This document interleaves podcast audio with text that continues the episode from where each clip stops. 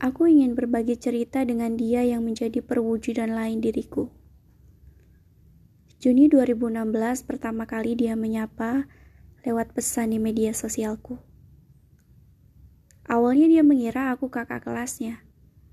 Padahal malah justru dia yang kakak kelasku semasa SMA. Tentu aku mengenalnya.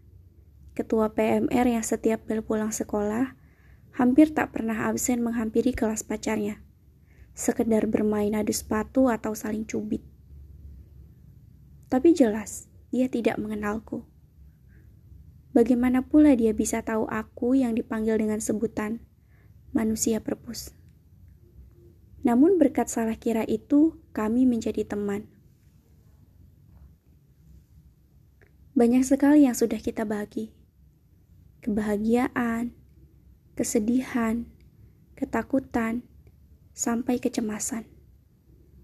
Kami saling menyembuhkan, atau setidaknya saling menenangkan. Segala ceritaku dia tahu.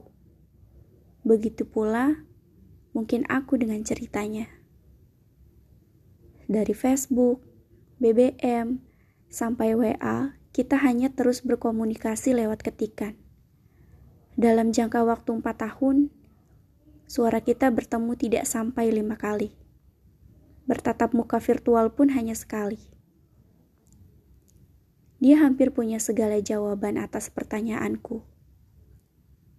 Tentang bumi itu bulat atau datar, kenapa kuah mie sedap lebih kental daripada Indomie, apa alasan Nabi Muhammad berpoligami, kenapa penduduk berbes berbahasa Sunda sedang letaknya di Jawa Tengah, benarkah Indonesia tidak seluruhnya dijajah Belanda, Sampai yang terpenting, dia punya jawaban atas segala kegelisahanku. Tahun terus berganti, namun rupa tak kunjung menjumpa. Jarak dan waktu selalu menjadi halangan kami. Banyak rencana yang hanya berakhir wacana. Rinduku kayak rinduku padanya kian menderu. Padahal raga tak pernah benar-benar bertemu. Juni 2020 akhirnya kita bertemu di sebuah Indomaret di pinggir jalan di kotaku. Empat tahun penantian suara dan rupa pertama kalinya saling bersaut dalam dunia nyata. Kukira akan canggung saat bertemu dengannya sebagai teman yang bertemu di realita. Tapi ternyata rasanya seperti kawan lama yang akhirnya bertemu kembali. Kami berbagi susu pisang di sedotan yang sama, berbagi pop mie di garpu yang sama, juga berbagi kuah soto di sendok yang sama. Tawa kita melebur dalam cita. Hangatnya genggamannya masih terasa dan elusan di kepalaku juga rasanya masih ada. Wajar gak sih kalau aku baper? Setelah maju mundur dan penuh dengan pertimbangan risiko terburuk yang akan ku dapat, Akhirnya aku mempertanyakan status kejelasan hubungan ini sama dia. Kamu tahu apa jawaban yang aku dapat? Ternyata dia juga menyukaiku. Tapi dia menyerah.